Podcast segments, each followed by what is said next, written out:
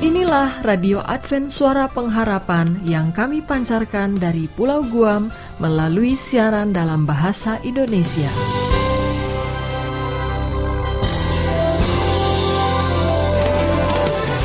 Salam sejahtera kepada saudara pendengar di mana pun Anda berada. Selamat berjumpa kembali dengan kami Radio Advent Suara Pengharapan dengan senang hati kami akan menemani Anda dan keluarga dengan rangkaian acara yang telah kami persiapkan bagi Anda sekeluarga dan harapan kami kiranya siaran ini dapat bermanfaat dan menjadi berkat bagi kita semua. Selamat mengikuti dan selamat mendengarkan. Tuhan memberkati.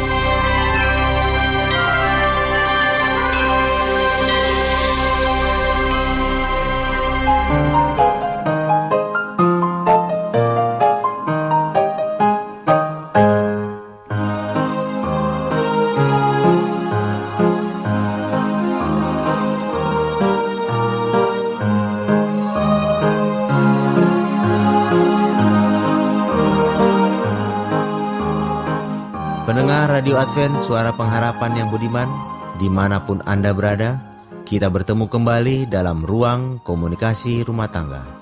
Acara ini akan membahas tentang komunikasi rumah tangga. Acara ini akan diasuh oleh Dr. Niko Koro dan Ayura Yosep Manik. Dari studio, kami yang bertugas mengucapkan selamat mendengarkan. Tuhan memberkati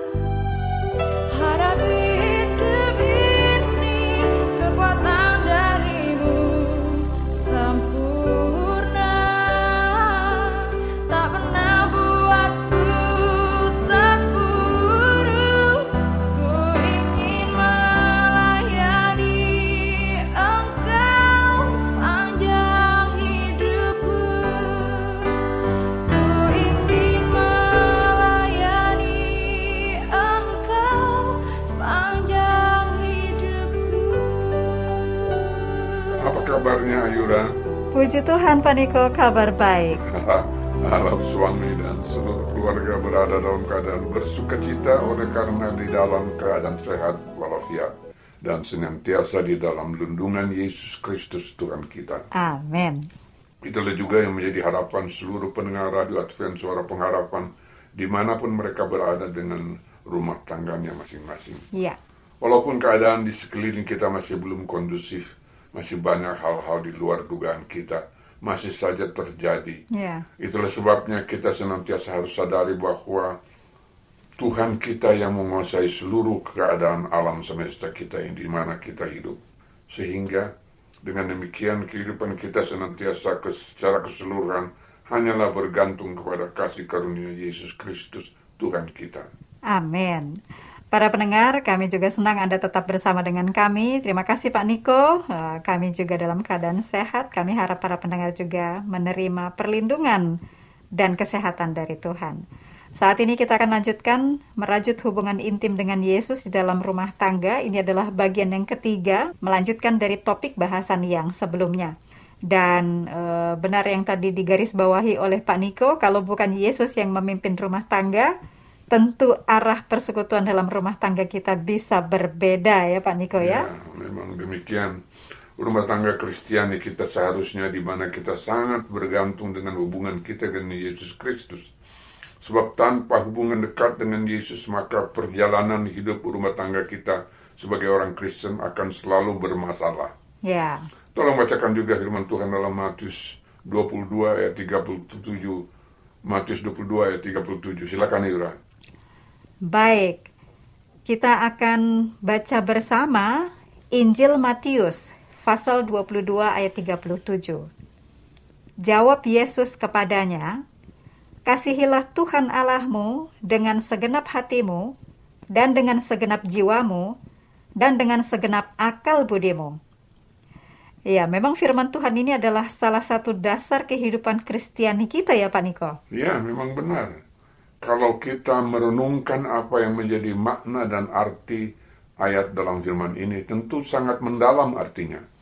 Sebab wujud nyata dari mengasihi Tuhan Allah kita dengan segenap hati dan segenap jiwa, ditambah lagi dengan segenap akal budi kita manusia, tentu wujudnya dan tentu sama dengan kita mengasihi istri dan atau suami atau anak-anak kita dalam dengan segenap hati dan segenap jiwa dan akal budi kita, bukan? Ya, Hal ini tentu menggambarkan suatu hubungan yang intim dan penuh bermakna dan bukan saja suatu hubungan yang basa-basi. ya, Itulah sebabnya banyak terjadi konflik di dalam rumah tangga oleh karena hubungan yang terwujud itu bukanlah seperti apa yang dimaksud di dalam ayat di dalam firman Tuhan ini. hmm, Demikian pula gambaran tentang hubungan intim dengan Yesus tentu merupakan hubungan yang harus senantiasa dipelihara terus-menerus agar terjalin baik secara berkelanjutan. Salah satu wadah yang berperan sangat penting di dalam hubungan ini tentu adalah iman yang kita miliki. ya. Tolong bacakan juga firman Tuhan dalam Ibrani 11 ayat 1 sampai dengan 3. Silakan Ayura. Baik, mari kita baca bersama Ibrani 11 ayat 1 sampai 3. Saya akan bacakan dari studio. Iman adalah dasar dari segala sesuatu yang kita harapkan dan bukti dari segala sesuatu yang tidak kita lihat. Sebab oleh imanlah telah diberikan kesaksian kepada nenek moyang kita. Karena iman kita mengerti bahwa alam semesta telah dijadikan oleh firman Allah sehingga apa yang kita lihat telah terjadi dari apa yang tidak dapat kita lihat. Dari ayat ini jelas sekali bahwa rumus iman itu adalah segala sesuatu yang kita harapkan dan bukti dari segala sesuatu yang tidak kita lihat. Kita juga harus mengerti dengan jelas bahwa alam semesta ini di mana Anda dan saya berada telah diwujudkan dan diciptakan melalui firman Allah. Terima kasih Ayura, benar sekali. Dan iman pun harus bekerja sama dengan segala perbuatan kita. Ya, Tolong bacakan juga firman Tuhan dalam Yakobus 2 ayat 22. Silakan Ayura. baik. Kita akan baca bersama Yakobus 2 ayat 22. Kamu lihat bahwa iman bekerja sama dengan perbuatan-perbuatan, dan oleh perbuatan-perbuatan itu iman menjadi sempurna. Kalau demikian, iman pun tidak dapat berjalan sendiri, bukan? Ya, ya jadi memang jelas bahwa iman tanpa perbuatan adalah sia-sia. Dan itulah sebabnya hubungan intim dengan Yesus Kristus itu tidak dapat berdiri sendiri. Sebab bila kita memiliki hubungan intim dengan Yesus berarti kita pun harus memiliki hubungan yang sama dengan sesama manusia. Hmm. Tolong bacakan juga firman Tuhan dalam Injil Matius 22 ayat 36 sampai 39. Silakan Yura. Baik, kita akan baca bersama Matius 22 ayat 36 sampai 39. Namun, setelah para pendengar kita menerima berkat melalui lagu pujian yang berikut ini, untuk Anda semua, selamat mendengarkan.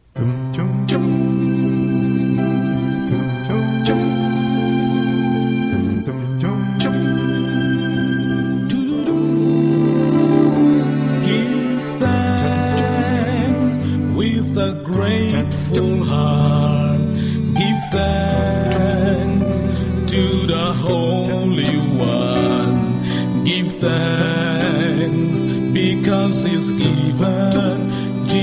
Jesus Christ, His Son. Give thanks with a grateful heart. Give thanks to the Holy One. Give thanks because it's given to Jesus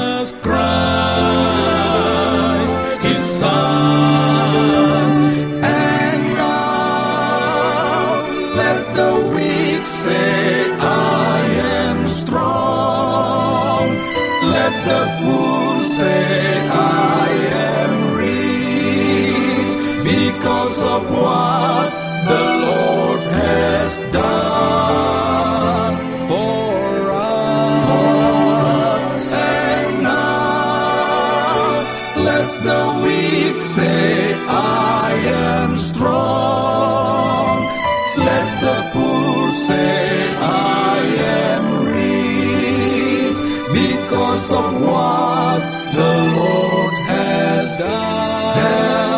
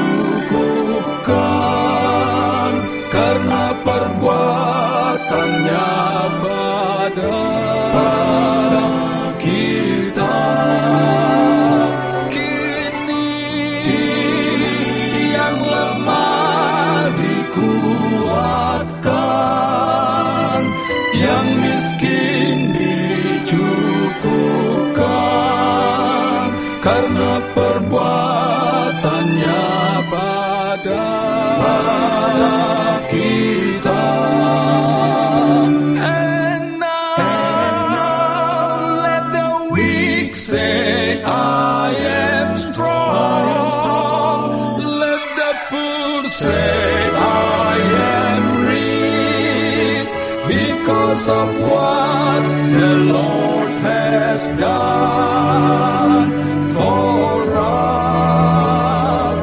Give thanks. We give thanks. We give thanks. We give thanks. We give thanks.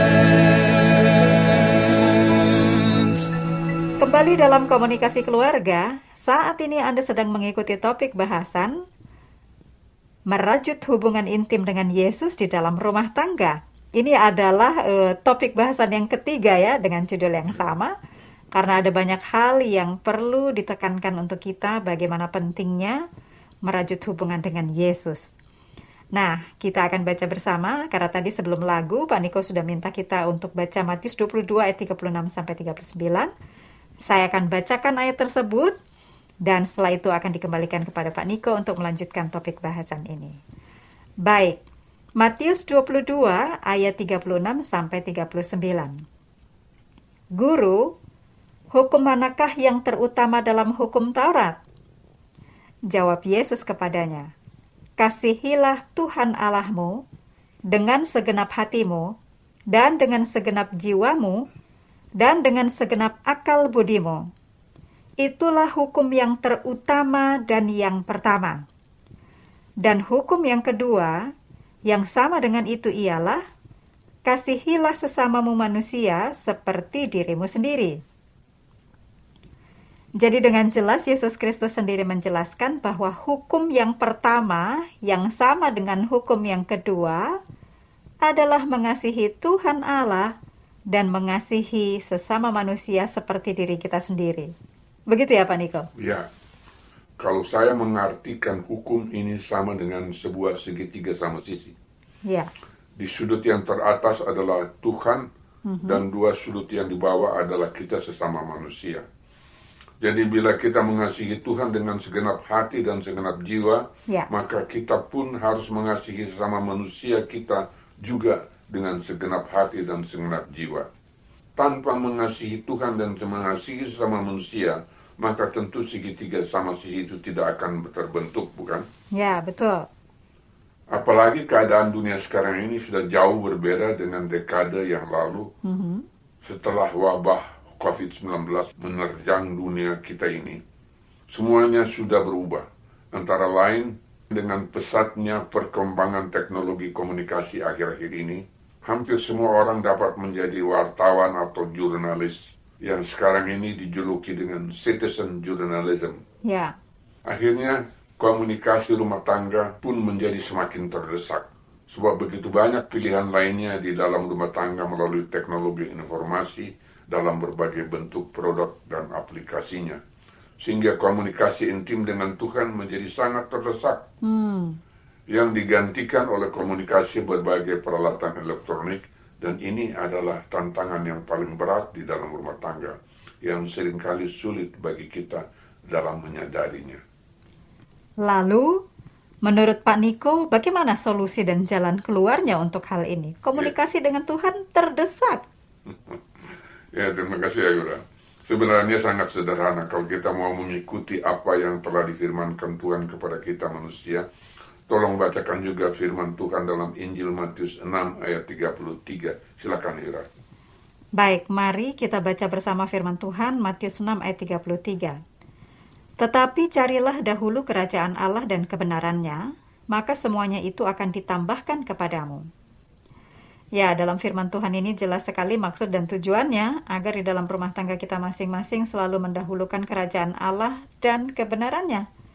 Memang eh, mudah ya untuk diungkapkan, tapi sering dalam pelaksanaannya begitu bangun pagi, prioritas kita selalu kebutuhan yang kita dahulukan kan? Nah, baru kemudian kebutuhan-kebutuhan lain.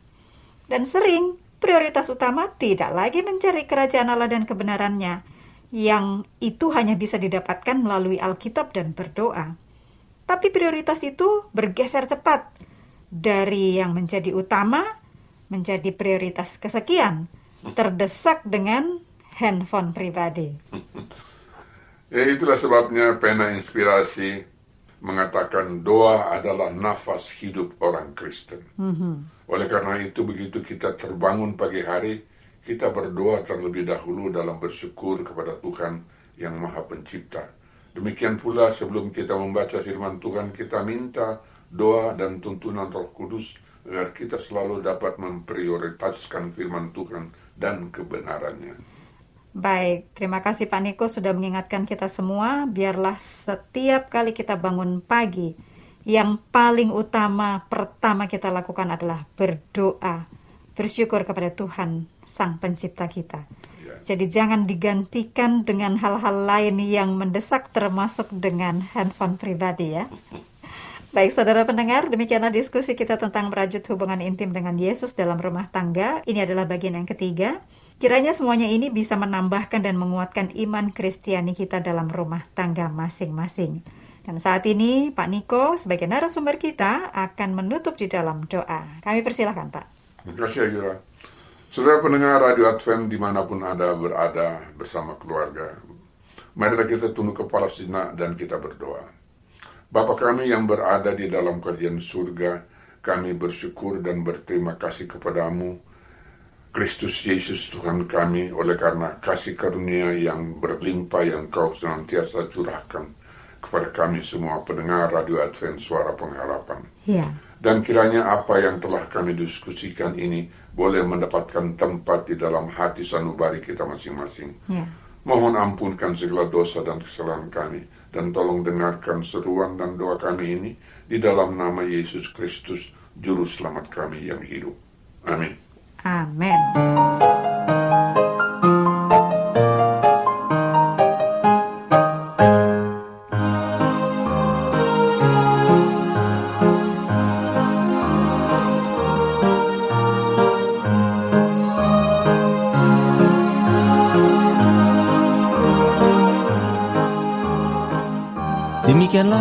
Setia, kita baru saja mengikuti ruang komunikasi keluarga.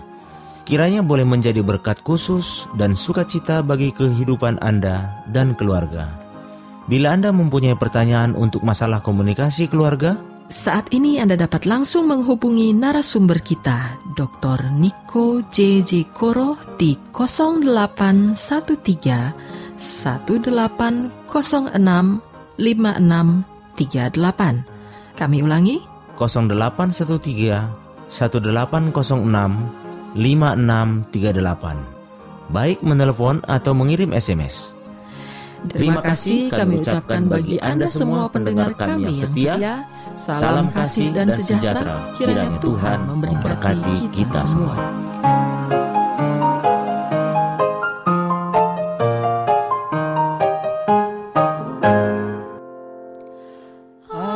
Aku selalu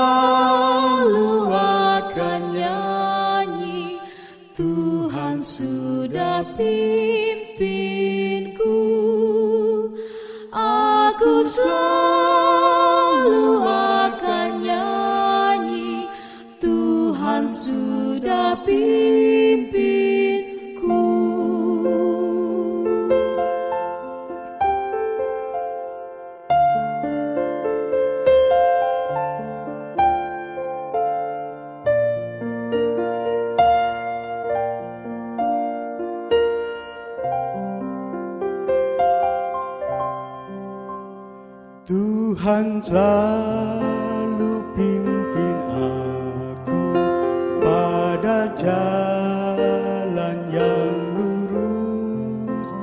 Bagaimana boleh aku sangkal Tuhan yang tulus?